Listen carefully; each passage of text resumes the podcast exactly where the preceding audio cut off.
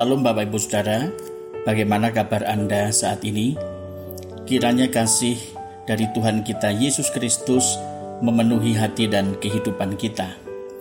Saat ini saya merenungkan firman Tuhan dari Injil Matius pasal yang ke-9 ayat 29 demikian bunyi firman Tuhan. Lalu Yesus menjamah mata mereka sambil berkata, "Jadilah kepadamu menurut imanmu." Pengalaman iman yang nyata. Saudara, apakah Anda sangat ingin memiliki pengalaman iman yang nyata dalam kehidupan Anda sehari-hari? Bacaan kita saat ini menunjukkan sebuah peristiwa pengalaman iman yang nyata dari kehidupan seorang buta ketika dia berjumpa dengan Yesus. Kemudian Tuhan Yesus menyaksikan iman orang itu kepada orang banyak dan mengatakan, jadilah kepadamu menurut imanmu. Wah, tentu si buta mendengar hal itu sangat bersuka cita, bukan? Nah, demikian juga halnya kita juga dapat memiliki pengalaman-pengalaman rohani di dalam Kristus. Asal kita sungguh-sungguh memfokuskan mata rohani kita kepada hal-hal surgawi yang Tuhan Yesus nyatakan dalam firman-Nya.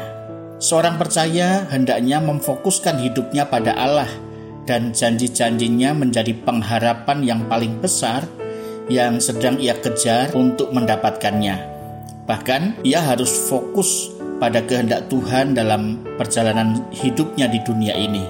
Sehingga tidak ada satupun hal di dunia ini yang dapat menggeser dia untuk menyimpang dari jalan Tuhan.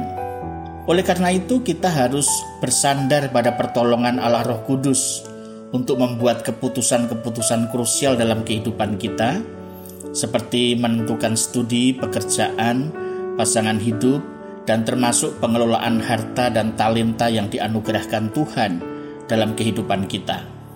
Kita harus senantiasa sadar dan waspada untuk dengan rela memisahkan diri dari kecemaran duniawi yang akan merintangi perjalanan iman kita, memahami serta untuk mengikuti kehendak Tuhan dengan berdoa, membaca, dan merenungkan firman Tuhan setiap hari akan menjadikan kekuatan bagi kita untuk menjalani kehidupan di dunia yang penuh dengan pencobaan. Walaupun situasi kehidupan kita mungkin tidak lebih mudah, saudara, namun kehadiran Allah Roh Kudus akan menghibur, menyegarkan, serta menghangatkan jiwa kita. Apabila kita menjalani semuanya ini dengan setia maka kekuatan, penghiburan, dan buah iman kita sedikit demi sedikit akan muncul dan berkembang hingga kita mencapai kedewasaan di dalam Kristus. Pasti tidak ada yang merugikan hidup kita jika kita melakukan dengan setia setiap hari di sepanjang kehidupan kita. Sementara kita masih hidup di dunia, maka hiduplah dengan iman kepada Kristus Biarlah orang lain sibuk dengan keduniawiannya dan kita tidak perlu iri kepada mereka.